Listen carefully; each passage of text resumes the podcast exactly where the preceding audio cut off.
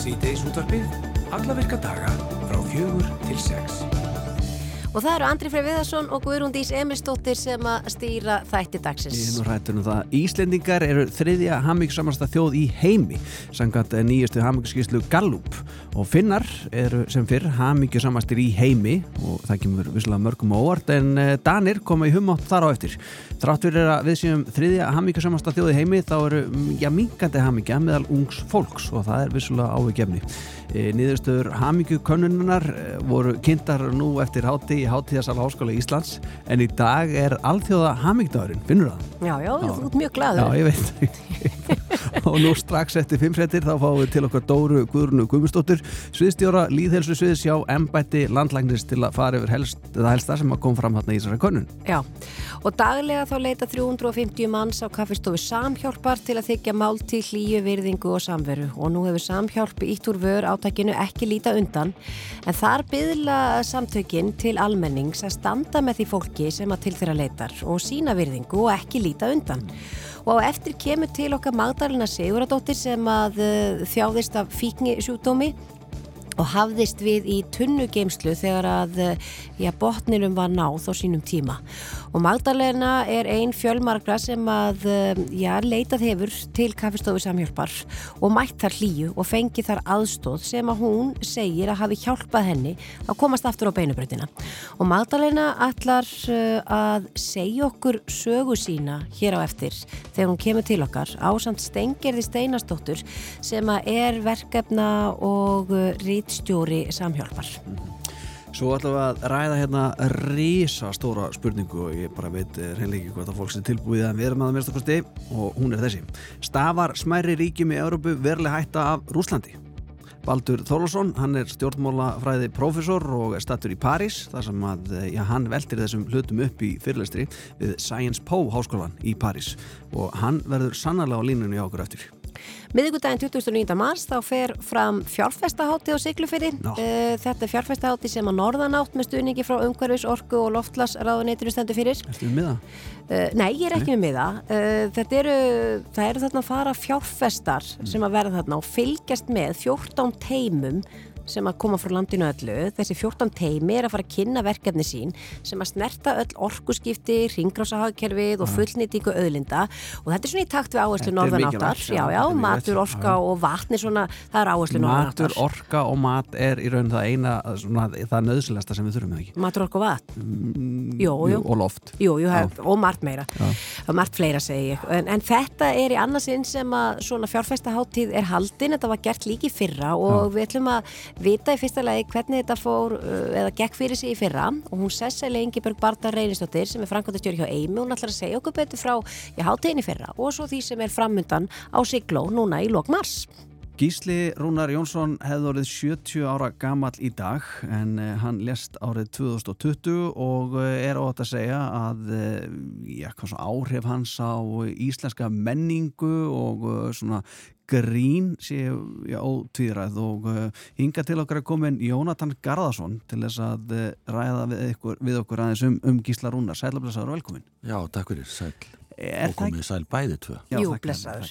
Er ekki ótt að segja það, Jónatan, að já, áhrif Gísla séu bara já, með meiri áhrifin sem einhver hefur haft á, á íslenska menningu og sérstaklega grín? Jú, sko, Gísli kemur fram á sjónasviðið á tíma þegar að sjónvarpið er allsráðandi þar að segja að þeir sem horfðu á sjónvarpið sem voru allir vissu nákvæmlega hvað var að gerast og hann kemur með hann skrítna, skemmtilega húmor þar sem hann er bara svona vennilugur kall að drekka kaffi bara í vinnunni með Júla Brjáns og þeir svona skjóta á milli sín alls konar hlutum sem er að, í rauninni ekki drosalega fyndnir en eru samt alveg meinfindir hann kemur nýja tegunda húmor. Já.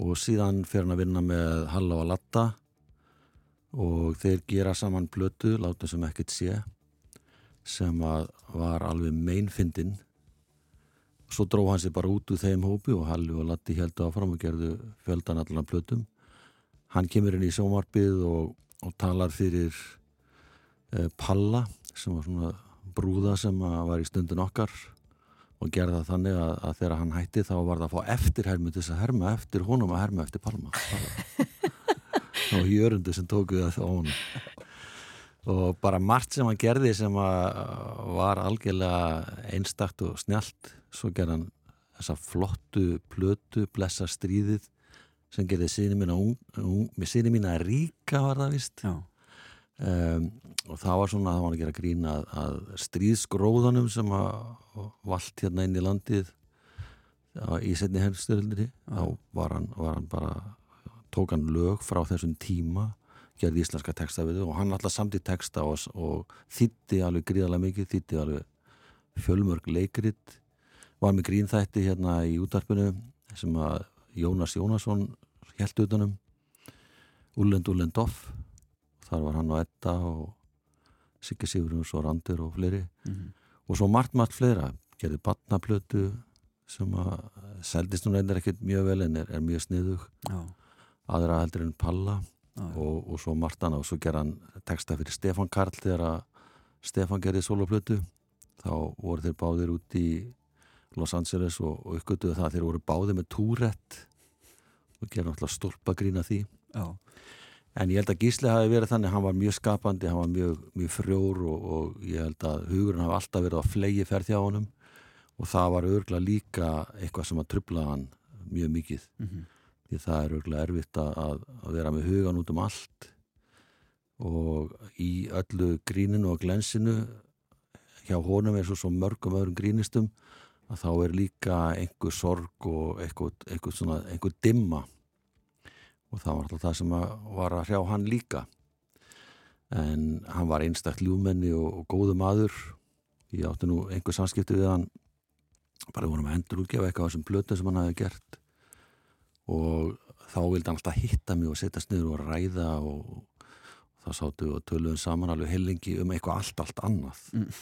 ekki að tala um þessar plötur eða neitt svo liðir Þannig að Gísli, já, hann var sangarlegar þúsund þjála smiður þeirra... Ég myndi segja það, já, hann gætt gert allt já. bráð sér í allra kvikinda líkið hann var að leika já. hann var frábær textahöfundur frábær eh, bara í að skrifa alveg sama hvað það var hann hefði vel geta að skrifa fullt af frábæran leikritum og mjög góðu þýðandi þýtti alveg fjölmörg leikrit og staðferði og gerði það alveg snildanan hátt mm -hmm. en svo bara uh, held ég að það hafi kannski líka uh, háðunum að hann byrjar í gríninu og hann vildi örgla leika alvarleg hlutverk og kannski fekk það ekki eins og hann hefði óskað eftir og það er oft erfitt er að menn festast í einhverju slíku fari mm -hmm. en náttúrulega hlutir eins og eh, hilsubæli og eitthvað svoleiði sko, ég menna þetta er náttúrulega þessi karakter sem hann var, gerði þar og bjóð til þeir voru náttúrulega alveg stórkáslegir og, og, og margi sem að lifið á því og lifa ennþá að herma eftir honum. Já, menna þeir bara eldast mjög vel. Já. En hvernig, hvernig bara svona að því svo eru verða hann og etta par. Já. Menna, Hvernig þetta lítur að hafa verið á sínu tíðan bara algjört ofur par Já, þau voru það, algjörlega sko. Náttúrulega bæði, bæði alveg Elsku, og elsku og dáð af þjóðinni. Já, já, og eiginlega bara sko, það var nóg bara fyrir gísla að byrtast og það er eins með ettu þá fyrir fólk bara að hlæja. Já, já. Og það er auðvitað ekkit, ekkit gott vart að leika ykkur alvarlegu hlutarku sviði og byrtist á sviðinu og það fara allir að hlæja. Þetta var saman með Átna Tryggva á síðan tíma. Já. Bara ef Átni, eða Bessi Bjarnason ef þeir byrtist á hlóa Jóngnar líka Jóngnar er á sveipari stöðu en það er sko þetta grín sem að gísli færða okkur, það hefur lifað og, og er ennfindið martaði sem að hann hefur gert. E, misfindið visslega en, en sumtaði er ennþálið dreifindið. Og uh, þú talar hérna um kaffibrúsakallan áðan og það er svona oft rivjað upp sko kaffibrúsakallanir. En áður við sleppur Jóntan þá uh, sko ætlum við að spila hérna smá klippu úr þætti sem var hérna á Rúf uh, árið 1974 og 19. mars árið 1974 þá fór þátturlofti sem hétt Hæfilegu skamtur og þar er Gísli Rúnar umsjónumæður á sandi eh, Júliussi Bránsinni félagsinum og í þessum þætti líka Latti og Helga Þótt Stefensen og Ragnður Ásta Péturstóttir fyrir um alþengiskona og Ævar Kjartansson sjálfur. Þetta er, þetta er fólki sem sá um þennan þátt, hæfilegu skamtur og þegar við erum búin að hlýða á þá klippu þá ætlum við að heyra hérna lag sem að Gísli syngur á sann Dittu þú ert þú heitir það. Og það má segja að það hefur verið svona hittari og þegar fólk heyrir það þá sér það bara tennunur og gísleikunni fyrir Já, hann var náttúrulega al algjör snillingur í því að setja sig í gerfi og hann, hann notaði mitt mjög oft tennur, hann og Edda og, og reyndar Latti líka. Bara með að setja tennur upp í munni þá snar breytist andlitsvipurinn og allt og, og reyfingar og annað og, og ef við horfum tilbaka áramótasköpin sem við voru í saman hann, hann sko breytist í Björgun Haldásson alveg snildalega og mér skilst hann hafi sett sko brefaklemur upp í nasetan til þess að gera svona uppbrettari líkari bjögga. Og þeir eru nú í sömu, tengdirinn í sömu fjölskyldu.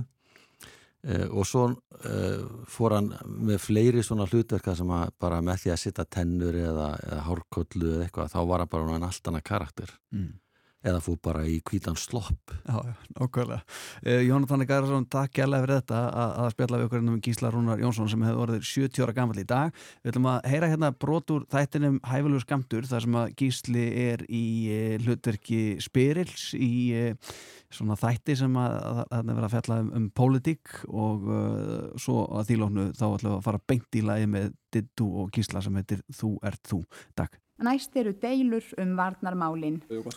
Hér eru komið til okkar þrýr stjórnmálamenn, Landvarður Hermansson frá Variland, Hinnbói Finnbóasson frá Mariland og Vestri Austmann uh, frá Hlutlausum. Uh, þessi menn hafa allir vakið mikla aðtegli fyrir nýstálegan og enginlegan raukstunning uh, til þess að geta fylsta hlutleysis við fimm tímaverði, eitt frá hverjum stjórnmálaflokk. Já, ég ætla að byrja tímaverðina að setja skeiklukun í gang. Landaröf, Gjursvel. Já, ég, ég vil vari land, ég heimta vari Já, land. Já, austri, Gjursvel. Vestur Austmann er næst með tíma Gjursvel, Gjursvel. Ég hef nú ekki dreigið döl á það. Nei, það er ekki lega fyrir. Uh, má bjóða uh, Hinnbói í Finnbói sinni að taka orðið, Gjursvel. Mér finnst bara sterkustur hug. Já, það nefnilega það. Uh, Landaröf, þú hefur tíma aftur núna, Gjursvel. Já, ég vil verjur, ég vil verjur í landi. Já, já, Vestur Austmann, aftur Gjursvel. Ég ætla að koma því á þann að rannsóknir sanna... Þú hefur nýtt þín tíma til hins ídrasta, gjör svo vel, landarur aftur, gjör svo vel. Rökstýningur. Ég sagði landa, ég sagði landarur. Sko, ekkert svona. Já, það, það, ég að ég, ég, ég vil fá rétt skipt á tíman ég vil tímanum rétt. Já, já, ég, ég vil byggja vist þetta að gæta hlutilsi landaður, ég ætla að gefa þér tíman já, eins og ég sagði það við með gúmi í því já, það er ekki alveg fyrir himbói, gjör svo vel. Ég Já, þakka ekki alveg fyrir vestur og Ísmann gjör Ég held að það hljótið hver einasta manns Já, tíma okkar er á þróttum, tíma okkar er á þróttum Ég vil fá að koma því að hérna Vestri og Ísmann Afsakið, afsakið Viltu stoppa þetta? Afsakið, afsakið. Ég ætla að gefa hverjum Er ekki hlutleysi hérna? Jú, hlutleysi. Östuðta stund til þess að tjá sig að lokum. Tíma okkar er á þróttum, landvaru gjör svel Já, eins og ég sagði með gúmi Og Ég held að hvert mannsbarn á landinu... Já, þetta er mjög gott hjá þér og Himboi Finnbósson á lókum. Ég vil bara enn ítrekka það... Já, ég þakka ekki alveg fyrir tímaverðinu að hafa staðið sem mjög vel. Góða nótt.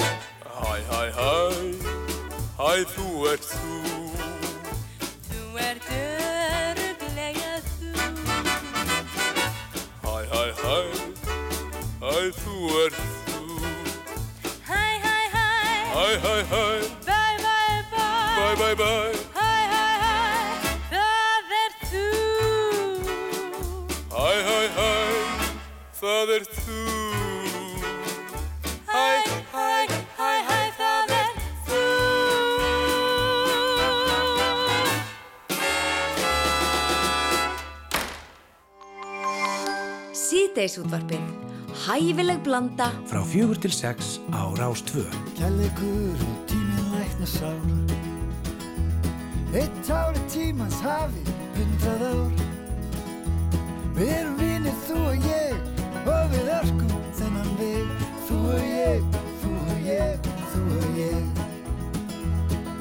Hamingjan er fyrir handan horn Hún liggur þar og býður stund að korn Og við röltum, þú og ég, öðru kóru hennar veg Þú og ég, þú og ég, þú og ég. Eitt er víst og yngu fær því breytt. Að þú og ég, við erum yfirleitt. Alveg eins og ver og ber Alveg sama hvernig fer. Þú og ég, þú og ég, þú og ég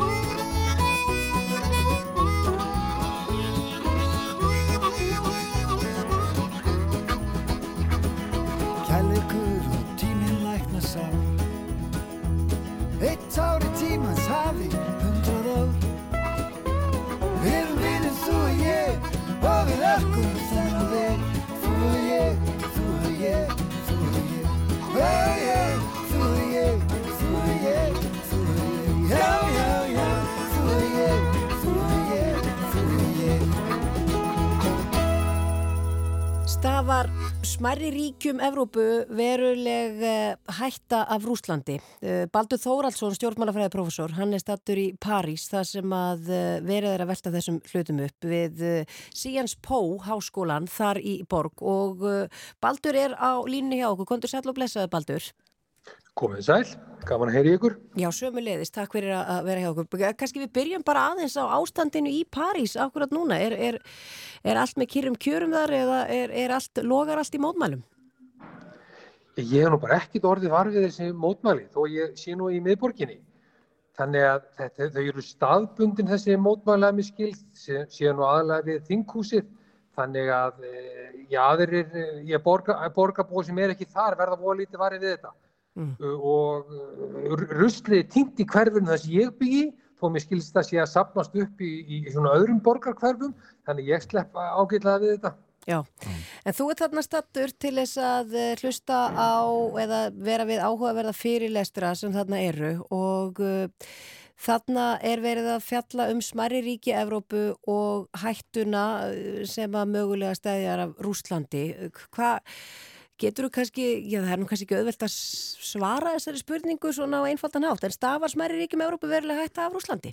Ég ætla að reyna að svara þessu, þessari spurningu, spurningu hérna í, í, í vikunni og ég held að e, þess að reyna kannski að gefa ein, einföld útgáðan af þessu, þá náttúrulega fer það náttúrulega allt eftir staðsetningu þeirra og hvort þessi smæri ríki séu í NATO eða ekki. Ég myndi vilja lefa mér að segja að, að þeim smæri ríkjum sem áður tilherðu gamlu Sovjetríkjanum en hafa ekki gengið í NATO eins og Georgíu og Moldófu þeim stafar verulega hætta já af ráðamönnum í Kreml. Ráðamenn í Kreml vilja íhlutast til um stjórnafar þessara ríkja bæði, bæðum innanlandsmál sem og utarrikistefnur þeirra og rauninni krefjast þess rauninni að fá neitunarvald á samskipti þeirra við vestur Árópu.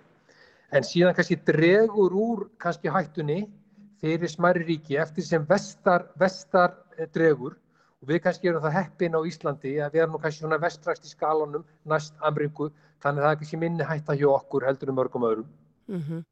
En ég meina ef að eins og, eins og þú segir ef að rússar fóru óheikað inn í Úkrænu hva, hvers vegna ættu þeir ekki að fara inn í önnur sparri ríki sem áður tilhöru Sovjetríkjanum?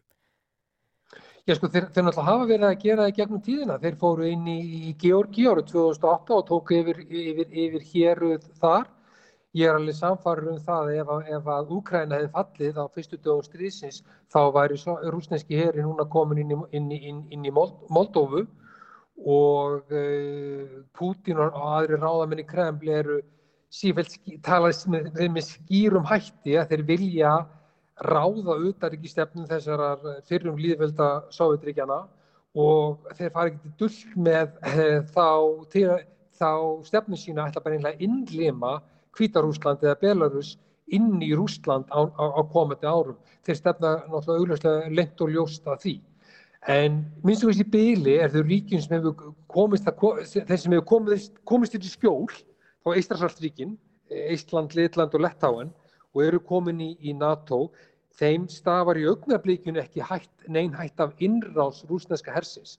En það er náttúrulega stöðugar netárásir, uh, vera að dreifa falsupplýsingum og uh, hætta náttúrulega á skærum ef að uh, átökin í Úkræðinu stegi magnast. Baldur, þú byrtir á, á Facebook síðunni svona lista af uh, smærri ríkjum samanborin við stærri ríki í Evrópu og uh, þá náttúrulega uh, kemur okkur ekki óvart að, að hjá Íslandi er engin her og við vitum þetta. En í hinulöndunum það er allir verið að vera með uh, hvað sem er sér Noregur, Finnland, Danmörk eða Svíþjóð. Eh, þá fem maður að hugsa svona þessum, þessum umræði sem hefur verið hérna í gangi undanvarna vikur út af einmitt uh, rússum uh, já, hvort að við reynilega þyrtum ekki bara að fara að henda í einn her þó að fámennur væri, en, en hvað finnst þér um það?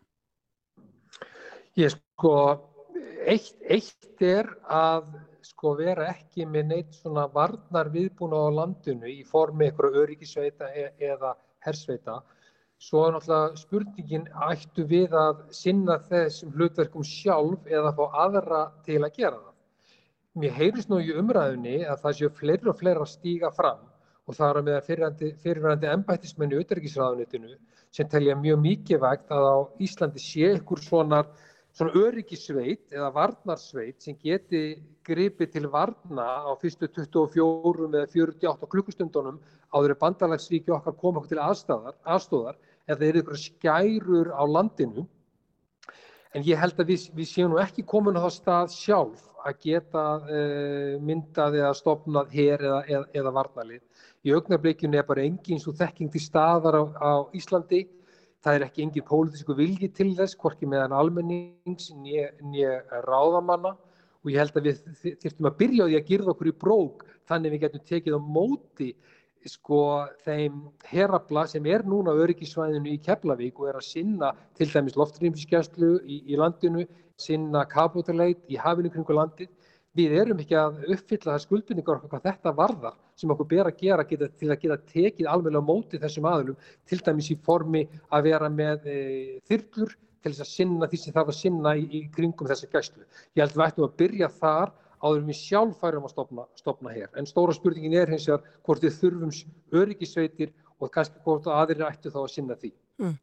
Kanski bara rétt í lokin uh, svona að því að þú ert uh, já, stjórnmálafræðingur og ert þarna úti í, í þessari með, með ringið alls Hvernig, hver er umræðan núna? Nú er Putin fór og heimsótti Mariupol á, á dögunum og það er líka búið að gefa út handtökkuskipun á honum. Hvert, hvert er þetta allt saman að stefna? Hver er þróurinn að verða þarna í þessu, þessari innrás í Ukrænu? Já, því miður nú bara ekki fyrir endan á þessu sko að eh, hvoruður aðilin ætlar að gefa, gefa eftir. Putin ætlar að heldur ótröður áfram er að ná meira landsvæði undir síð í Ukrænu menn sjá ekki fyrir sér e, því miður að það verði vopnar hlið á næstunni. Stóra spurningin kannski núna er hvað Kína mun gera varðandi sko, áframallir stuðning við Rúsland.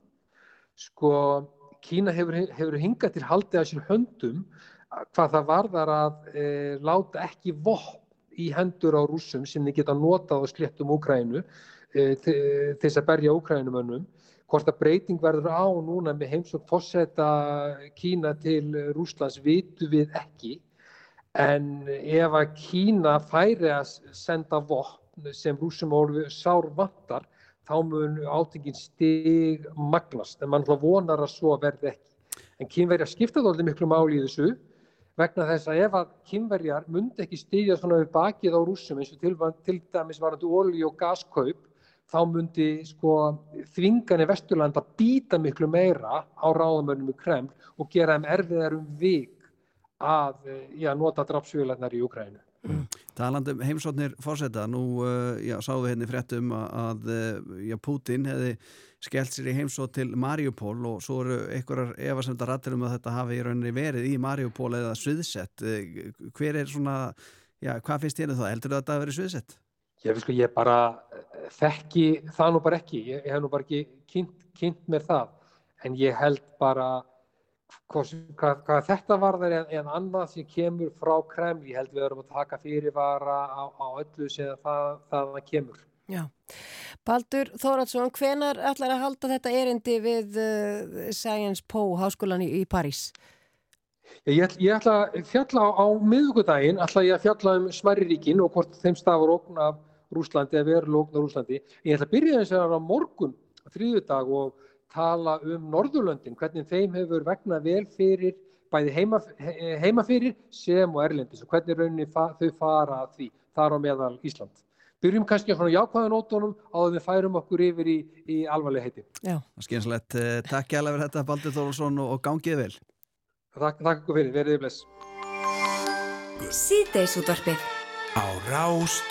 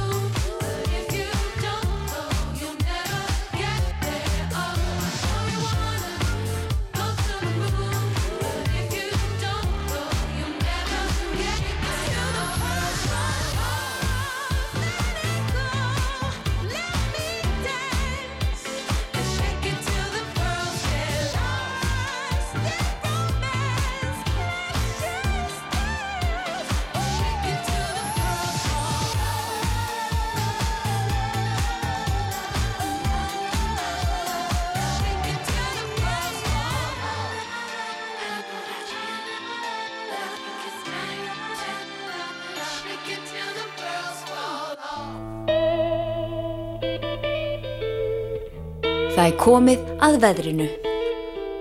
Gunna, að því vorum að tala með Baldur hérna áðan um, uh, já, hvort að hugsanlega þetta setja upp hér hérna á Íslandi eða ekki Mhm.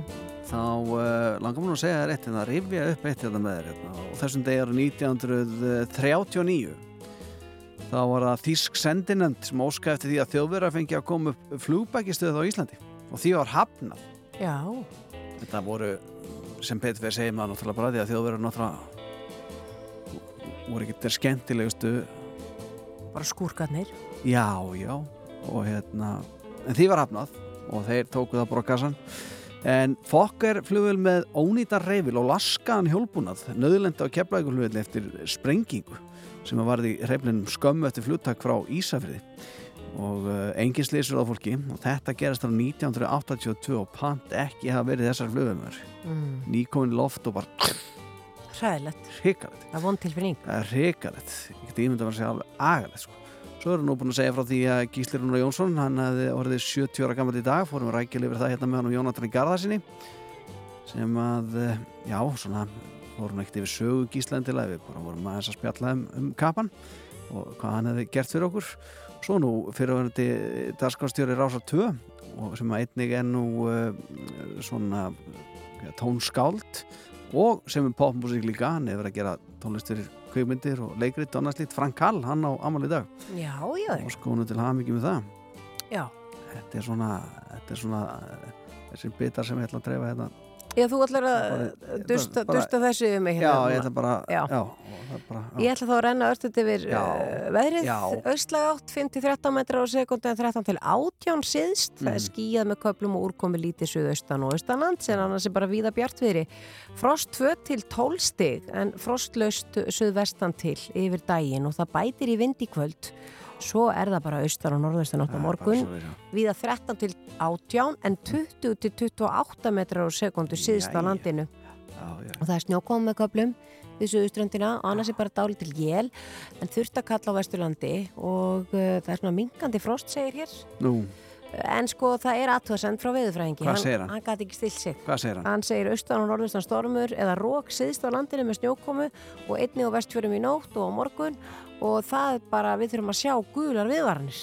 Öss Það er að hlauta að koma að því að verða einhver svona ílska í veðrinu. Já, já, og að vera einhvern veginn svona, ég er svona tíðinda lítið veður Já, í- í daldinn tíma. Mikil óskum Já, hérna hér, þú segir mér fréttir. Ég er hættur að spyrja ykkur um páskaveðrið og ég har nú bara átt að það núna. Að páskarnir er ekki í næstu viku eins og ég er búin að halda hérna Ég hef í ekki svona mánuð. skilið í þér að vera alltaf að er, heimta eitthvað uh, Af hverju ekki? páskaveður því það er heil langt í páskan. Það er nú ekki nema tvær vikur.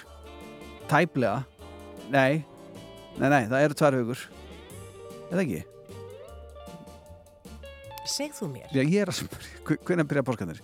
Föstu einn langa hvernig byrja þeir? Já, Já, það er nú skýrdagurinn Skýrdagur segi, fyrir ekki Skýrdagur akkurat. pálmasunnudagur náttúrulega þar á undan. Auðvitað, það, það byrjar þetta allt saman. Og dimbilvikan, hann er margir í frí alltaf í henni. Já, og- en, en það er nú ekki beint páskar. Já, Skal nú bara segja það. Gunnur Dís að páskarnir byrja annan april og það er þá þar með í næstu viku. Já, já. Hvað er annan april? Pálmasundagur? Nei, jú, jú, Pálmasundagur. Hann þar Já, hann varst ekki að segja að það væri dimbilvika, væri nú ekki páska? Er það? Pálmasunnudagur er sunnudagurinn fyrir já, páskadag. já, ok, ok Ég Já. ætla, ég ætla að skoða þetta eins Já, þú þarf aðeins að tekka á Að þessu. skoða Já. Það var þetta sundarskólan það var að segja mér frá Dimbilvikan Some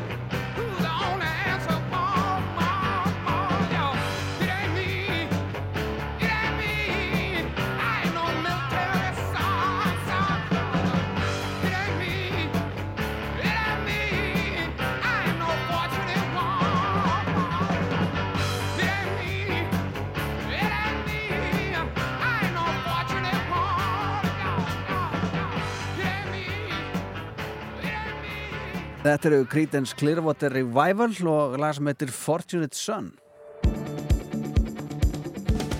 eða Son, ekki Son og við höfum nú verið að fara hérna veðrið á hann og leit, leit allt svona bærlega út fyrir en, en það er Son. Já, þú ert líka, við vorum líka velta fyrir okkur dagsetningum á hann, þá er hérna Sunday. ein góð dagsetning kantaður, jú, ég var nú ekki tengingin en allt í góðu, þann 29. mars sem er miðugudagur, þá fer fram fjárfestaháttíð á Siglufyrði Akkurat sem að norðanátt með stuðningi frá umhverfis orku og loftlagsráðanendur stendur fyrir. Og þarna á þessari háttíð, þessari fjárfestaháttíð, þá munu 14 teimi frá öllu löndinu kynna verkefni sín uh, fyrir fjárfestum. Og þessi verkefni snerta öll orkuskipti, ringrása og fullnýtingu auðlindar svona í takt við áherslu norðanáttar Já, já. sem er matur, orka og vatn og uh, þetta er í annarsinn sem að svona fjárfestaháttíð uh, er haldin og hún Sesselja Ingibjörg Bardal reynistótti Frankvæntastjóri hjá Eimi er á línni hjá okkur, kontur sæl og blessu Sesselja Já, sæl og blessu bæði tvö. Já, við uh, ákvaðum að heyra í þér hljóði, þetta er í annarsinn sem þetta að gera svona. Takt okkur aftur uh, já, til ársins í fyrra Já. þegar þið gerðu þetta í fyrsta sinn. Já, nákvæmlega. Þá vorum við bara hérna einmitt á svipum tíma með pínu stress yfir því hvort að við fengjum yfir höfuð einhvern fjárfestir til að koma á Siglufjörð og hlusta á þessa ofurhuga sem eru hérna á Norðurlandinu uh, pizza fyrir þau. Af því að þetta var í fyrsta skipti og er í fyrsta skipti, núna í annað skipti sem að svona hátíð er haldin einhverstaðar annars staðar enn á höfuborgarsvæðinu og hérna, þannig að það var ótrúlega mikil áskorun og við vorum mjög stressið yfir því en sem betur fer þá kom Davíð Helgason, hann kom mjög fljótlega svona uh, á blað hjá okkur og var bara heldur betur til að mæta svæðið. Og svo einhvern veginn komu fleiri nöfn, uh, Stefania hjá Eyrir og, og hérna fleiri flottir hérna, fjárfestar sem að ákveða að vera með okkur í liði. Og svo einhvern veginn varð múæsingur í fólkinu og allir mættu. Þannig að þetta var gott. Einmitt, hvað er svona, þetta er vendala fyrir aðala fjárfesta, þetta er ekki fyrir Jón og Gunnu eða Andra og Gunnu eða, eða... Já, sko það væri nú sannlega gaman að hafa ykkur hana, með útastáttin á Sigló þennan dag. en hérna En jú, þetta er svona invite only viðburður, þannig að við erum í rauninni að bjóða uh, svona fjárfestum á hana viðburð. Það er bara líka út af því að komast, svo Siglufjörður er geggja venjú fyrir þetta þennan, þennan viðburð, af því að það er einhvern veginn allt til alls á Sigló og þess vegna völdu við uh, þennan stað. Það er náttúrulega með uh, opbáslega í rauninni flott húsnæði til þess að vera með svona hérna hátíðir í árætlu að vera- skiptast, við ætlum að fara á nokkur venjú, við verum með svona skíða þema um morgunin í ráðstöfnu hlutanum og eftir hátegi verðum við á síldarminju safninu og hérna frumkvörðarnir ætla bara að pizza upp í bát, hvorki meira enn minna. Þannig að þetta verður, þú veist, það er svo geggja og svo endum við á segli hjá Matta og förum í hérna Hotel Siglo í hátteginu og þannig að, veist það, já, þetta, verður, þetta er geggja venju til að vera þarna. Þannig að það komast, það er ekki allir sem komast að. Nei, en Cecilia eins og í fyrra því að þarna voru þá, þá voru flottir uh, einmitt frumkvölar að koma með sínar hugmyndir. Uh, voru einhver, kom eitthvað út úr þessu? Það voru fjárfæsta kannski kom eitthvað svona út úr þessu sem að já, varða allavega til þess að þið hugsuðu þetta verður að gera aftur Já, heldur betur. Og eins og ég sagði, þetta var algjört pælótt verkefni í fyrra og hérna því við vissum ekkert hvort að við myndum hérna fá einhverja til að koma og hérna hvort þetta væri yfir hug góð hugmynd. En það er náttúrulega oft þannig með frumkvölu hugmyndir. Maður veit ekki alveg hvort að maður verður hetjað halvviti á endanum. Og hérna uh, en sagt, það urði opbáslega góður árangus og við ætlum að byrja hátíðina á frumkvölum sem að pitchuðu í fyrra fjórum teimum. Og þau ætla er gerast á þessu ári. Og það eru öll þessi teimi eru í rauninni búin að vaksa síðan þá. Uh, sum eru að fara að skrifa undir uh, hérna í rauninni samninga við fjárfesta og aðrir hafa fengið engla eins og Átni á Íslandik Æter hérna fljótonum, hann er, fara, er búin að fá engla, engla fjárfestir sem hann er að fjársterkur einstaklingur sem kom í hans verkefni. Og já, svo ætlar Alor, Linda, Fanney, Valgeistóttir ætlar að tala um svona ál, hérna álbatteri og Júlia hjá Mísköpun, þau eru öll búin að ná árangri og ætla að segja frá svona þú veist, hvað gerðist og svona hvað, í rauninni hvað þau lærðu líka, þau eru líka alveg búin að átta sig á því að kannski voru þau ekki alveg eins undirbúin eins og þau heldu í fyrra en af því að þau pitsuðu og tóku samtali svona snemma við fjárfestan þá lærðu þau svo opaslega mikið henni hvað þau þurft að gera til þess að fá fjárfestingu. Já. Þannig að þetta var flott. Er þetta komið til að vera á Siglufyrði? Ég vona það. Við hérna, núna er rauninni stækkuðu við. Við byrjuðum, vorum bara með fyrirtæki, sérst frumkvæli fyrirtæki frá Norðurlandi fyrra. Núna erum við með allt, allt landið undir. Þannig að þetta er svona rjómin af hringarásakjörisverkefnunum uh, á Íslandi sem er að fara að pizza hérna fyrir fjárfestana uh, næsta miðugudag, eða 2009. Og okkur langar til þess að fara ennþá stærra og okkur langar til þess að fara í Norðurlöndin og fá erlenda fjárfesta líka til að koma hingað og hlusta á ringarsarhækjarsverkefni á Íslandi þegar hér eru við bara toppstöðu til að ná flottum árangri í ringarsarhækjarfinu Mhm. með alltaf þessar flottu auðlindir. Ég var eftir að hugsa með það þegar þú tala um svona hvað ætlaði að fara að gera líka hann upp á bát og eitthvað svona og skoða svona hluti og svona það var gaman að það kemur útlendingar og það ófærðar sko. Já. svona síndi maður sko Held nákvæmlega, auðvitað, einmitt, Sigló er náttúrulega tekin upp þarna, neða ófæra var tekin upp á Sigló. ef það er ekki, er ekki gulrót sko þá veit ekki hvað það er sko þetta er endar geggjað, góð, góð hugmynd Andri, við takk, þetta fyrir næsta, næsta sesjón. En Cecilia þá bara fyrir ef það er einhverju hann úti, engla fjárfestið, minnst þetta er svo fallegt orð, ef það er Mhm. einhverjir englar hann úti sem eru fjárfestar og langa mögulega fjárfestið einhverjum nýsköpuna fyrirtækjum og hugmyndum, eh, hvar fær fólk frekari upplýsingar ef að það vil skella sér á siglu? Já, einmitt, sko, það er eiginlega bara farin á norðanátt.is eða senda mér post uh, af því að við erum, hérna, það er ekki mörg sæti eftir en það er einhver. Við erum alltaf að díla við frekar erfiðan hérna markhóp sem að eru íslendingar þeir bóka seint og illa það það er erfitt að ná á þeim.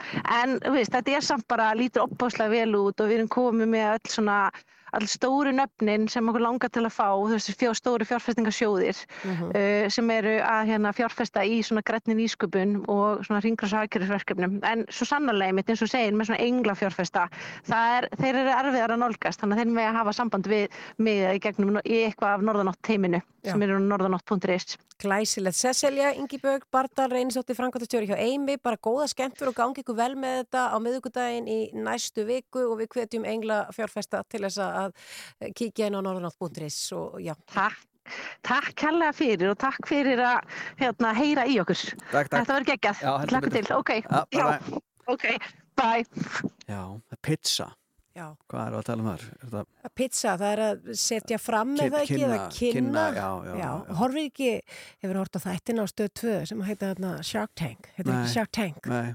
Þá var, þá var einmitt svona fjárfestar. Já, ég var einmitt bara að komast að því að það væri ekki, ég held að þetta væri hákallaðir Nei. Ég er búin að halda það bara í sennilega tíu ári, ekki Þetta meira. þetta eru marga seríu konar að þessu. Ég hef Þetta gaman var að eitthvað þessu. svona hákalla, svona tank með hákallum Það koma bara einhverjir með hugmyndir og það er alls konar klikkaðar hugmyndir sem að fólk er að koma með einhverja vörur og það eru fjórir öflugi Já. fjárfestar og svo eru þeir að bjóða, nei, ég ætla að bjóða þeim meira, ég ætla að bjóða þeim minna en þetta en það sem ég gerir er ég er bestur í að, þú veist, þetta það það í, í tank það er reyndar eitthvað, það er í logoinu þeirra þarna, sko, akkurat. þetta eru hákalla, sko, það er verið að tala um það að business, e, þeir er, viðskipta hákallar ég sem að eru Já. að kaupa hugmyndirnar. Akkurat, og svo stundum verður ekkert úr þessu og allt svona, en þetta er En svo voru aðri þættir sem hétu Amerikast hérna, hvað heita eitthvað invention eitthvað svona, uppfinningar sko Er það ekki það sama? Það er allt annað. En þannig er samt, við erum náttúrulega verið að koma með margar góða svona hugmyndir og já. uppfinningar og, og maður hugsa oft, okkur fær maður aldrei góða hugmynd? Þú vilt búin að pitcha þetta fyrir mér Dagmar.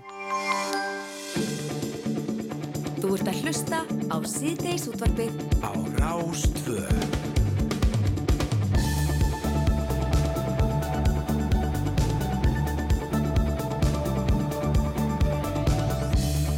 Og við höldum áfram í síðdeis útarpinu og næst ætlum við að fara að tala um hamingju. En Íslendingar eru þriðja hamingju samast að þjóð í heimi samkvæmt nýjustu hamingju skýslu Gallup. Og finnar eh, eru sem fyrr hamingju samastir í heimi og Danir koma í hugum á þar á eftir og þrátt fyrir að við séum þriðja hamingju samast að þjóð í heimi þá er mingandi hamingja meðal ungs fólks. Niðurstöður þessarar hamingju könnunar var kynnt nú eftir hádegi í hátíðasal Háskóla Íslands Enda er hvaða dagur? Alþjóða hamingjudagurinn. Rétt. Já, og uh, við erum komið með góðan gestinga til okkar. Hún heiti Dóra Guðrún Guðmustóttir og er sviðstjóri líðhelsu sviðs hjá Embati Landlæknis, kontur sælublessuð. Sæl. Þetta er stór dagur í dag og þeir eru búin að vera að kynna þetta, já það tók eh, einhverja þrjá klukkutíma í Háttíðarsal Háskóla Íslands. Við fenguðu til okkar til þess að reyna að pakka þessi pínlítinn pakka og, og segja okkur svona frá þessum helstu niðurstöðum. Já. Já, það væri mitt svona mitt hlutverk að- segja svona frá helstu niðurstöðum þarna og, og fyrst þá voru var sko Ísland svona í þessu alþjóða samengi og við höfum nú átt einhvern tíman fyrsta sæti þarna, við höfum átt verið og þegar ég byrjaði fyrir rúmlega 20 árum síðan að rannsaka hamingi, þá var Ísland á toppnum. Og Norðurlanda þjóðnir ofalega en Finnland alltaf neðst, þannig að það er svolítið áhugavert að fylgja, fylgjast með Finnum, þeir hérna, þeir sáu að það voru alls konar á, áskorunni hjá sér og, og þeir hafa tekið svona, svona líðan málinn svolítið förstum tökum. Það, var, það voru líka svona hæstu tilfelli í sjálfsvígum og ymslegt og þeir, þeir hafa bara, þau eru svo Norðurlanda þjóð sem hefur tekið bara svona geð heils, heilbriðismálinn og þessa hérna velliðunar, pælingar og haminguna, þeir eru bara líka tekið haminguna bara förstum tökum og bara heyrðu við ætlum bara að laga þetta. Og þeir hafa gert mjög margt, þeir kenna til dæmis félags- og tilfinningafærni í skólum, þú veist það er margar svona, þú veist bara kerfisbreytingar sem þeir gera stiðja vel við ungt fólk mjög margt svona sem þeir hafa gert sem er áhugavert að skoða sem hefur skilaðum þarna í þetta fyrsta sæti og þeir eru þarna í sjötta árið röð þannig að þetta er ekki bara eitthvað svona tilvílu núna. Norðmenn hafa verið í fyrsta sæti fyrir þá líklega þarna undan finnum. Þeir eru orðinir neðstir af Norðurlanda þjóðunum núna og eh, svona mínir kollegar þar, ég er svona góðið sambandi þess að við erum svona norrannu kollegar að pæli þessum og hérna velta fyrir okkur hvað veldur þegar einhver breytinga verða, að þeir vilja skýra það hvað mest á á svona ójöfnuð í hamingju, hann er að aukast það er svona ójöfnuður milli ákveðna hópa það er svona breyðara bilumæti þeirra sem eru hamingju sem eru óhamingju samir og líka bara meiri ójöfnuður í samfélaginu hjá þeim. Þannig að hérna, þetta er svona áhugavert og svo sko þarna þessi alþjóða hamingjuskísla, hún byggir einmitt eins og saðir á rannsóknum Gallup og þeir taka saman þrjú ár og taka meðaltal úr þeim til þess að taka ekki einhver svona ársveiflur og þetta eru þá, um, þá hérna frá 19, 20 og 21 sko, svona saman sem er svolítið svona eh, COVID eða tíminn. Mhm. og það sem þið fannst áhugavert þarna var að sjá að það er samt heilmikil þraut segi heiminum, það er ekkit mikið sko við, hamingjan okkar er ekki verri núna heldur hún var þarna fyrir faraldurinn. Og það sé svona góða sem við tökum úr þessu þeir að sjá að, að alls konar þætti sem hafa jákað áhrif á hamingju hefur aukist eins og meiri góðvild og, og sjálfbúlega starfsemi og, og, og hjálpa ókunnugum og svona þeir mæla þetta og þetta hefur aukist og jógst og e, þetta er eitthvað sem er bara mjög áhugavert að sjá og skoða og, og hérna og það að við séum líka þarna númer þrjú Það er e, ekki nóg gott. Já, það nei, kannski er það bara ekki alveg nóg gott. Nei. Við vorum nefnilega, það er ekki þannig að finnar hafi ferið upp fyrir okkur, við höfum dotti niður Já, síðan fyrir 20 Og svo líka með unga fólki okkar, það kemur þarna fram að það er ekki, það er ekki hamingjusamt. Nei, og það nefnilega mitt, þar voru, komum við og kynntum kokk frá okkur sem að Gallup og Íslandi safna fyrir okkur og þar getum við alveg brotið þetta niður og þá höfum við verið að sjá að það er gríð, að það hamingja hefur að fara þess niður á við og það er eiginlega bara, þegar við skoðum 18 ára eldri, bara meðal 18 til 24 ára.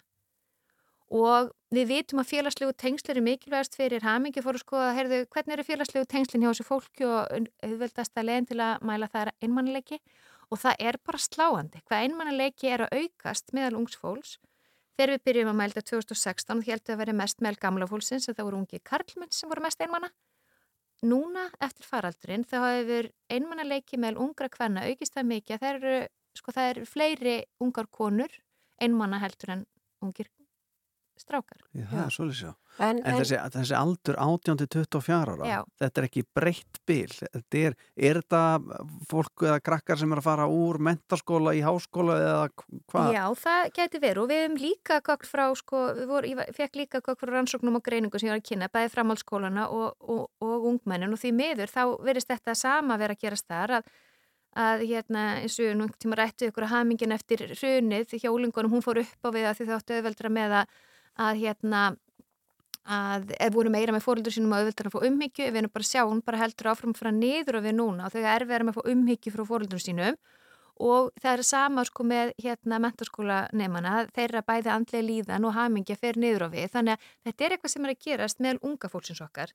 Og það er, það er virkilega svona áhugju efni, við erum að sjá að það er einhver, að verða einhver róf þarna á einhvernum félagslegum tengslum. Það er stærri hópur sem er greinilega ekki í nánum tengslum við aðra og það er eitt svona, er svona landlagnir bandareikin hefur gefið út skýslu eftir COVID og, og sagt að eitt mikilvægasti þátturinn sem þurfum að passa upp á er það sem á ennsku kalla mattering eða að skipta máli. Að þessi tilfinning að þú skiptir máli í samfélaginu, þú sé að einhver sjáu þig og að, að, að þessi hlustað á þig, að þú hafi rött og um, það er bent á að þau hafa sjá þetta farið niður og við í bandaríkjanum og bæði með lungsfólks og líka á vinnumarkaði. Ég held að þetta sé eitthvað sem við þurfum að skoða þess, bæði líka að skoða og ég held að við þurfum að tala með unga fólki. Já. Ég held að við þurfum að ekki bara að vera að rýna í gögnin, við varum svolítið niðurstaðan á málþingjum þetta, hvað er næstu skref, við þurfum að Við þurfum að halda næsta málþing með unga fólkunu, fá þau til að skoða þetta með okkur og, og, og fá þeirra upplifinu. Hvað, hvað er í gangi? En hvað er til ráðadóra? Því að auðvitað náttúrulega getur við gefið okkur mögulega það að, að faraldurinn hafi já, sett stryk í reikningin mm. og þarna erum við nefnilega ekki lengur að tala bara um börn og, og úlinga, við erum að tala um 18 ára einstaklinga upp í 24 ára einstaklinga sem að í raun og veru uh, er orðið ungt fólk og það vantar kannski, þú veist eins og þú segir 2-3 ára svona, þeirra lífið þar sem þau voru ekki að ná að mynda félagslega tengsla þegar þau voru ekki í mentaskóla eða voru að læra heima og allt þetta. Hvernig, hvernig getur við nátt til þessa hóps núna þegar þau eru kannski já, komin já, af okkar forræði eða þau eru ekki lengur undir, undir okkar forsjá þegar þau eru orðin átjánara Ég, ég held að við þurfum með mitt bara að hugsa þetta svolítið sko markvist og við höfum tekist á alls konar áskoranir í þessu samfélagi. Til dæmis náðu við úlingadrykki niður og, og þá þurftu við það þarfa aðgjörðir á ríkislevelinu á sveitjastjórnarstíginu e, það vinnustæðir, skólar. Ég held þetta og bara svo fjölskyldur, bara ég held við þurfum öll að vera svolítið vakandi fyrir þessu. Og alveg eins og þú veist, það er eitthvað mikið í gangi í gögnunum okkar, þannig að, að þetta er ekki smittsjúkdómur en þetta er samt einhver áskorun, líðhilsu áskorun sem ég held við þurfum að taka höndum saman og við erum öll hérna saman í þessu liði. Og þurfum að grýpa þetta Já, unga fólk. Og við þurfum, við þurfum að fara í bara það okkur, að sína okkur sé alvara með þessu. Ég hef trú á því að, að það vilja allir gera betur. Ég hef alveg trú á þessum stjórnvöldum sem að þá líst yfir að velsaldarhagkerfi stjórn og með farsaldalög og eitthvað svona sé. En hérna það er eitthvað að við þurfum að, að koma þessu í, í framkvæmt og við þurfum líka bara að, held ég, ræða þetta bara opið. Það sem við fókusum á það vex og hérna við þurfum með alls konar eh, þættu, menningu og íþróttir og allt mikilvægt. Ég held það sé bara, við þurfum að opna líka bara umræna hvað er það sem að hvernig tengjast við fólki, hvað getur við gert og fá bara frjálsfélagsamtök með okkur allt og, og ég veist bara mjög gott að því hérna líka bara fjölmjölar séu að velta þessu upp og hérna fá umfjöldunum þetta, ég held að hún skipti máli, ég fæ yfir eitt í hvers skipti, ég kemur svona viðtal mjög sterk viðbröð, bara heyrðu við þurfum bara meira af þessu, við þurfum bara meira af umfjöldunum þetta, meðvitund um hvað við þurfum að gera og, og að við tökum ábyrð á öllum stegum samfélagsins. Mm. En aðeins að finna honum að því að þú varst að tala um það þeir eru að kenna alls konar svona í skóla þurfu við ekki eitthvað að spýti lóðana þarna? Jú, það held ég og það var svolítið áhugavert talandum að hafa börnin með við reynum stundum að, að eh, óska eftir svona ungmennaráðum við vorum þessum alþjóðlega ráðstöfnu senastu sumar og við eh, hérna leitum til ungmennaráð svona samfélags og spurðum hvað er það mikilvægasta og báðum þau að koma svona í opnunum og hvað er það mikilvægasta sem að ykkur finnst að þurfa að gera í líþilsumálum. Og þá nefndi þau þetta og við vorum ekkert búin að ræða þetta við, þetta bara þau bara algjörlega að finna sjálf sér. Við viljum að það sé kent félags- og tilfinningafærni í skólum. Það er það mikilvægasta sem við þurfum að læra.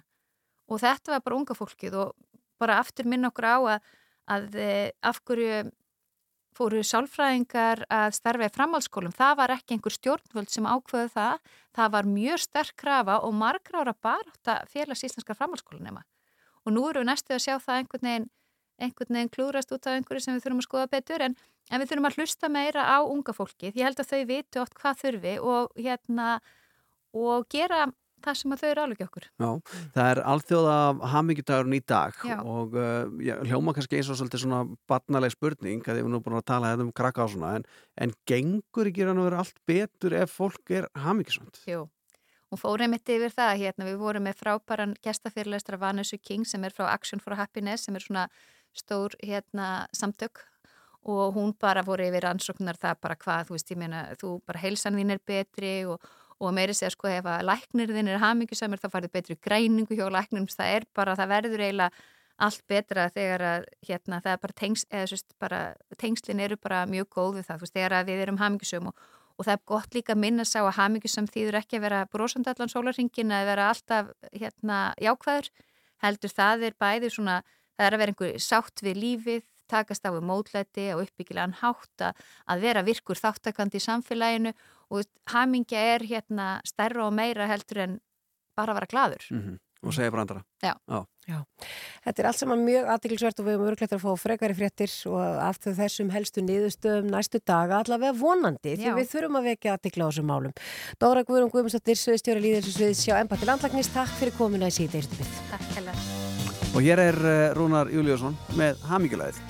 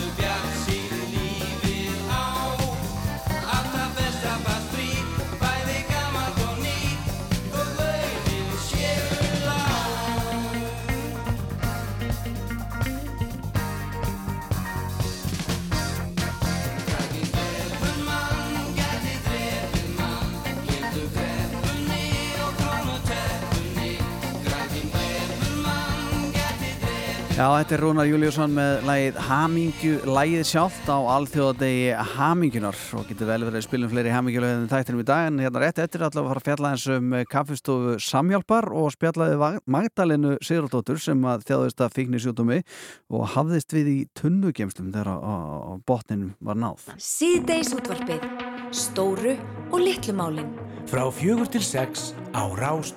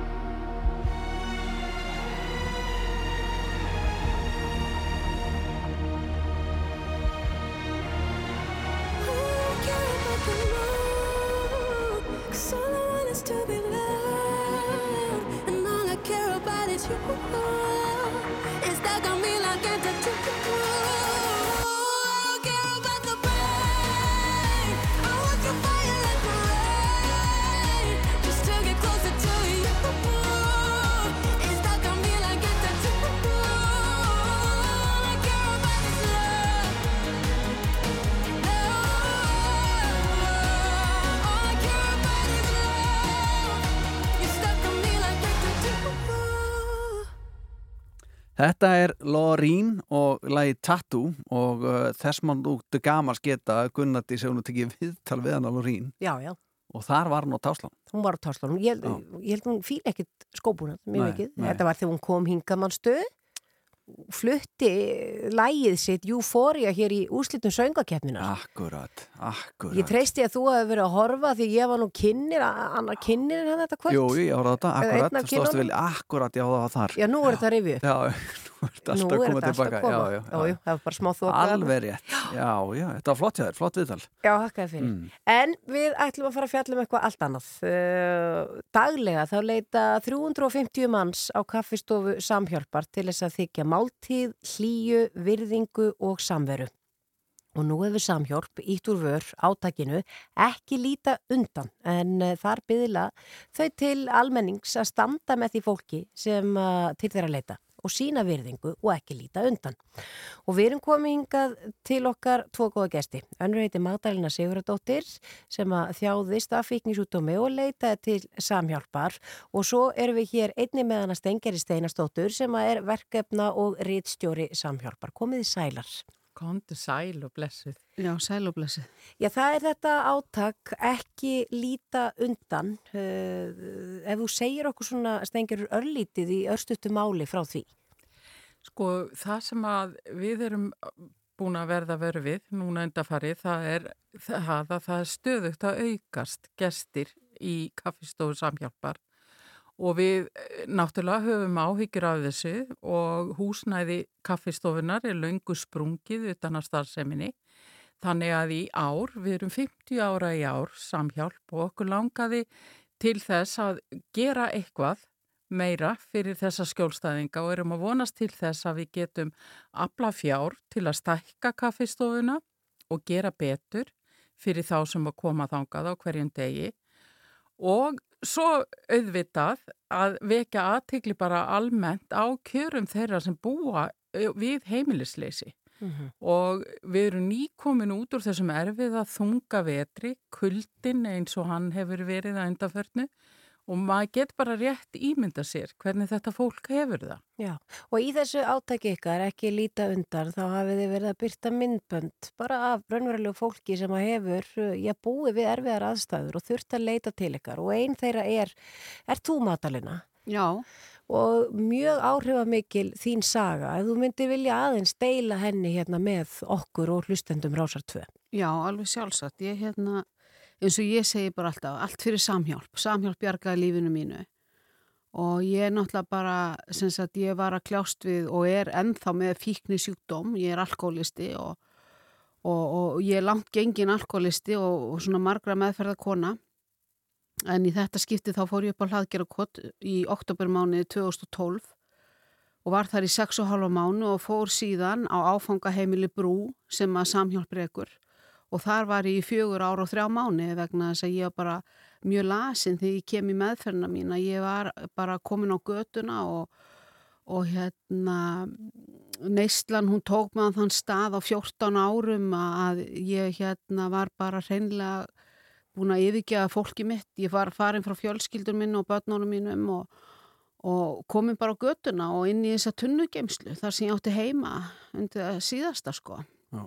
Og sko samhjálp kemur hvernig inn í þetta hjá þér. Þú býr þarna í tunnu geimslu Já. og svo ferðu vantala í, í, í samhjálp til að, líða þér aðeins og fá þér kaffisopa og eitthvað að borða eða hvað? Já, ég gerði það og, og hérna ég var nú ekki lengi stödd í þessari tunnugeimslu en ég fekk að fara niður í kaffistofu og ég fekk mér þar að borða og þar hitt ég eh, þessa neyslu félaga mína og, og þarna fekk ég næringu í kroppin og, og leið betur og ég fann alveg svona velíðina tilfinningu koma inn í mig þegar ég fekk næringu að því stundum var það þannig að ég var ekkert að næra mig, ég hafði ekki hugsun til þess og hafði ekki einu sinni getur til þess en þarna hafði ég skjól og þarna gæti ég farið inn og, og hérna og það var alveg rosalega gott við mig alltaf fólki þegar ég kom hana þau skipti sem ég kom hana og allir bara tóku mér fagnandi og voru góð við mig og síndu mér bara kærleika og það er einmitt þetta sem að ég hef svo fast í huga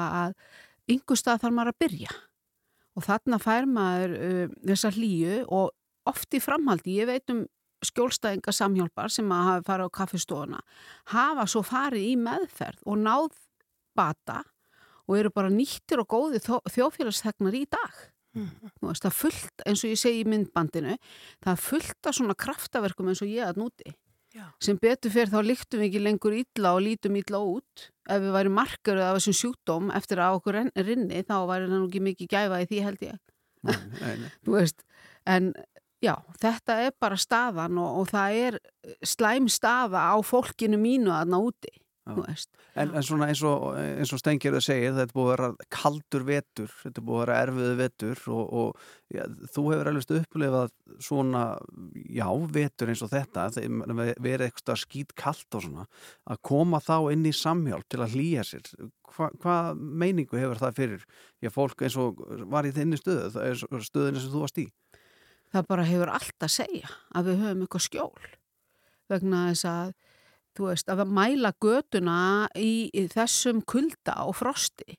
Það er ekkert í bóði fyrir neina mannesku við erum að berjast í sjúkdóm sem að er alkoholismi.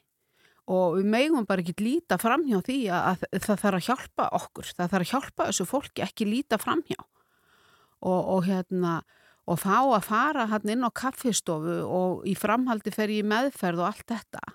Að það náttúrulega bara gefur gæfu munin sko. Mm uh, Stengir, það eru vantilega margar svona sögur.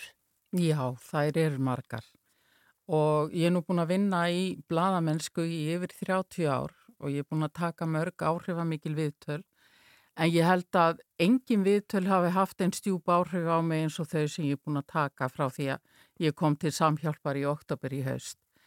Og þetta sem að Magdalena er að segja finnst mér svo stert og svo mikilvægt því að það er haft að leiðaljósi í starfsemi samhjálpar að mæta öllum með vinnsemt og virðingu þar sem þeir eru stattir og þetta er það sem hún er að tala um að það munaði hana öllu að þarna var litið á hana sem mannesku og við gleymum því nefnilega svona stundum að við erum öll manneskjur að við höfum þessa tilneyingu til þess að vilja sitja allt sem er svona óþægilegt til hlýðar og gleyma því að það er kannski ekki nema örlítið bil á milli okkar og þess sem við erum að mæta sem okkur finnst vera á mjög slæmum stað. Og svo er bara andrumsloftið á kaffistofinu, hún Rósi okkar sem er fórstuðu kona kaffistofunar, hún er bara eins og náttúruafl, hún er svo dásanleg og skemmtileg kona og, og indæl og fulla mannkjærleika og þegar maður kemur út af kaffistofunni þá verður maður að passa sig hvar maður drepur niður fæti því að þar hópast að smáfuglarnir því að hún gefur þeim afganga úr kaffistofinu og þeir eru orðin svo gæfir að þeir fljú ekkit í burtu þegar þú kemur fyrst út. Og þetta er bara svona lýsandi fyrir það andrumsloft sem er á kaffestofinni og mætir fólki sem þanga kemur. Þannig að það er ekki bara fólk sem að nýta góðs af, af kaffestofu samhjálpar. Nei, ekki aldeilis og ég held að þeir hafi verið að glíma við ímislegt smáfuglarnir sem leituði til okkar í vetur. Já, já. En svo náttúrulega er líka að það sem að væri svo óskandi og það er draumur rósjar, það er að eiga húsnæði þar sem að fólk getur ekki bara komið og borðað, heldur líka setið örlittla stund og spjallað og tala saman og jafnvel að geta bóði fólki upp á að fara í sturtu, þvó fötin sín og fá að sitja í svolítla stund í hlíunni á meðan að, þvottavílinn og þurkarinn er að klára sitt starf. Já, að því það lítur að vera, því eins og þið segið, það eru 350 mann sem að leita daglega á kaffestofuna, það lítur að vera, þurfa að vera daglega til rótering á fólki bara einfallega til þess að, að já, annað því að allir komist að. Já, svo sannarlega. Og þetta húsnæði er mjög lítið og þetta eru náttúrulega mjög margir sem að e, til okkar koma sem að eru ekki endilega að glíma við heimilisleysi En þetta er fólk sem er í neyð af margskonar ástæðum og við spurjum ekkert endilega um af hverju ertu hér. Við bara bjóðum alla velkomna. Já. Mættu kaffistofuna að vera jafnvel fleiri og, og, og dreifðari eða, eða viljið þið bara stærra húsnæði? Ég held að það væri eh, heppilegast að allavega eins og staðan er núna að við værum með bara starra húsnæði og eh, vegna þess að við þurfum að vera miðsvæðis og ég er ekkit alveg vissum að það að dreifa þessu sé endilega eh, það sem er best. Því að útigangsfólk og fólk sem blímir við heimilisleysi það eh, hérna sapnast mikið saman niður í miðbæ. Og það er mjög algengt að fólk sem er í einhvers konar neyð að það leiti niður í miðbæ og við höfum orðið vör við það að það, til okkar kemur fólk úr öðrum sveitarfélögum sem að á erfitt. Þannig að eh, ég veit ekki hvort að það væri betra að vera með fleiri eh, kaffistofur vítt og breytt um borgina. Yfirskrift þessa átaks, ekki líta undan, þetta er óbáslega stert. Hvað viljið þið segja við fólk þarna úti sem að já, bara lítur undan eða jafnvel er með fordóma? E, mér langar nú bara að segja það í fyrsta lagi þá er þetta í hverju einustu fjölskyldu. Það er engin fjölskylda sem að sleppur við það að fólk sé ekki að berjast við einhvers konar fíknisjútum. Og þar leiðandi þá hlýtur fólk að sjá það að já, ymmit, sína þennan kærleika og ekki líta undan vegna þess í dag á ég mjög fallegt líf að því mér var hjálpað. Og á þessum 11 árum að verða þá á ég bara mjög gott líf og, og ég á mann í dag og fjölskylda mín er komin tilbaka allt út af því að mér var hjálpað. Og ef að einhver hjálpar einum einstakling það skiptir gríðarlega miklu máli. Í staðan fyrir að horfa undan og hugsa nei það er bara einhver annar sem getur séð um þetta fólk Já, þetta eru góð held ég loka orð. Eh, Við hvetjum bara fólk til að fara inn á samhjálp.is og þá er það er þetta að setja napsitt við þetta átak, ekki líta undan og að sjálfsögðu bara hósku við eftir ef einhverjir er aflögu fær að aðstofa samhjálp eh, þannig að það sé hægt að koma upp starra húsnæði og þið getur sendið eitthvað mikilvæga starfi. Stengjari Steinarstóttir, verkefna og rits, verkefnastýra og ritsjóri samhjálpar og Magdalena Sigurardóttir Hetja. Takk fyrir komuna í síðdeirstupið. Takk sömu leiðis. Takk sömu leiðis, takk.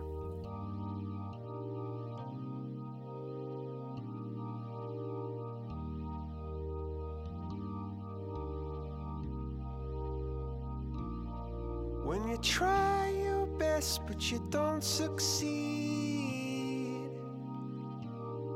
When you get what you want but not what you need.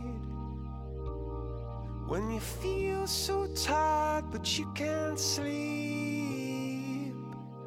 Stuck in reverse.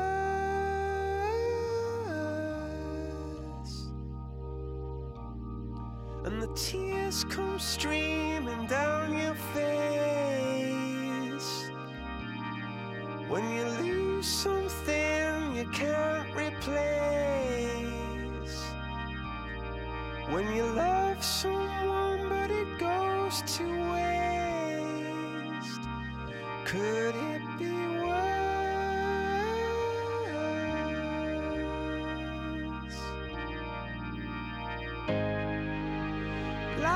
sweet.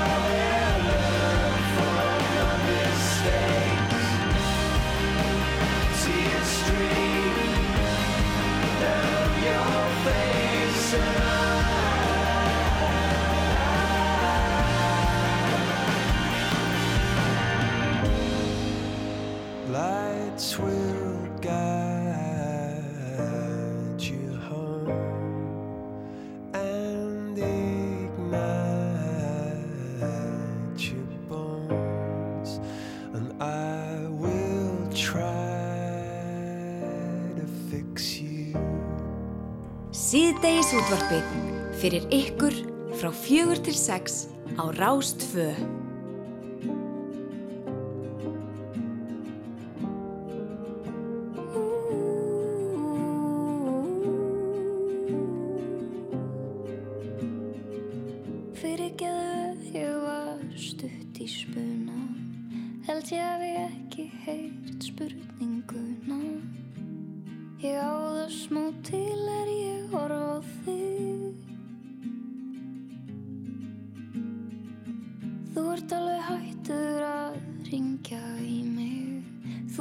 ekki afsaka Ég skil þig. Þú skuldar mér ekki neitt. Þú segist vilja vera vinnur minn En allt sem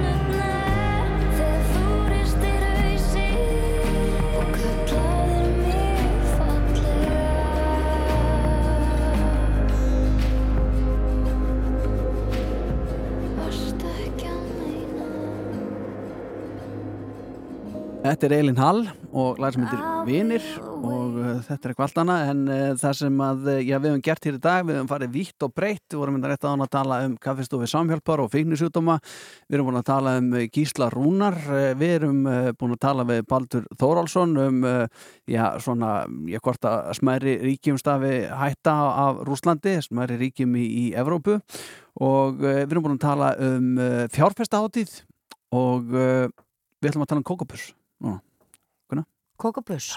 Já, svo erum við búin að tala um hamingina. Hamingjuna, ég, hvernig get ég glemt það er alþjóðadagur hamingjunar í dag en kókopus Það eru... Tölum við þessum kókopus Tölum um kókaböss. Það eru nú margir sem að einmitt tengja nú svona hamingjustundir oft við það að setjast niður á mótnana annarkot með kaffibotla í hönd eða þá fá sér góða morgumat.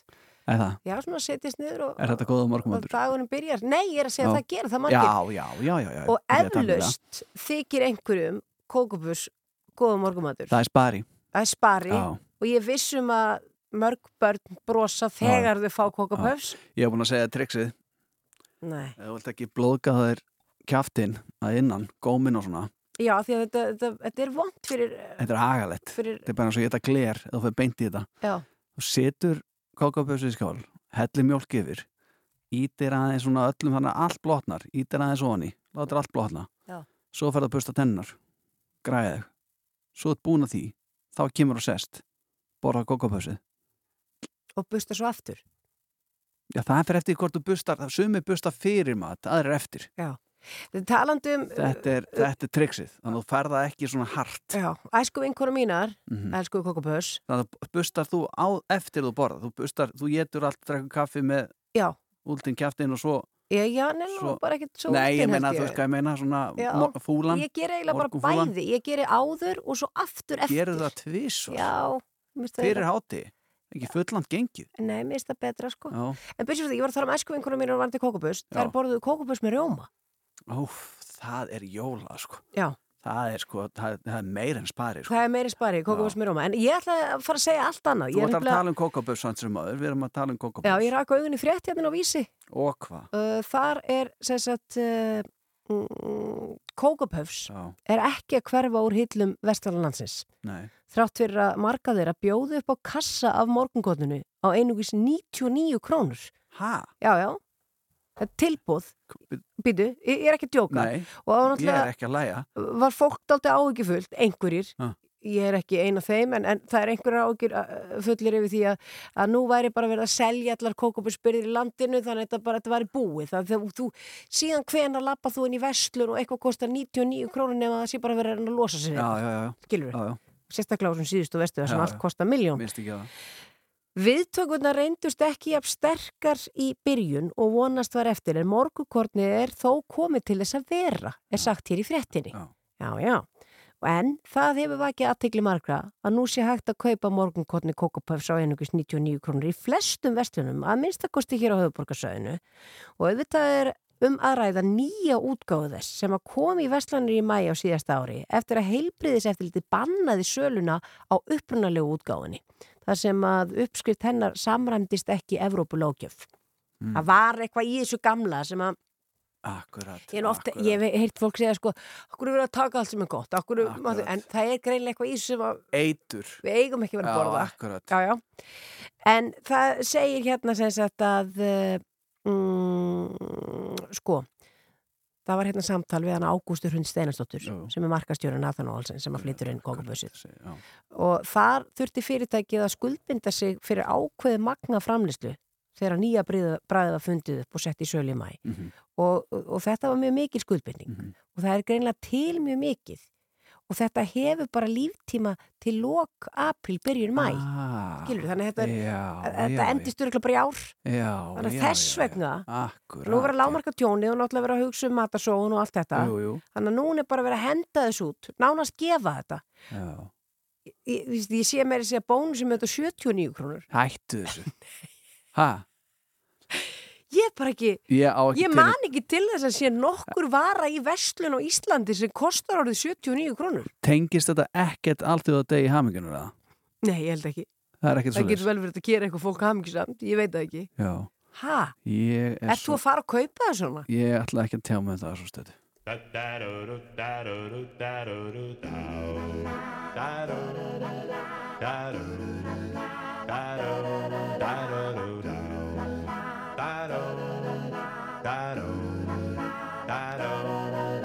Til hamingu vinna með þennan merkistað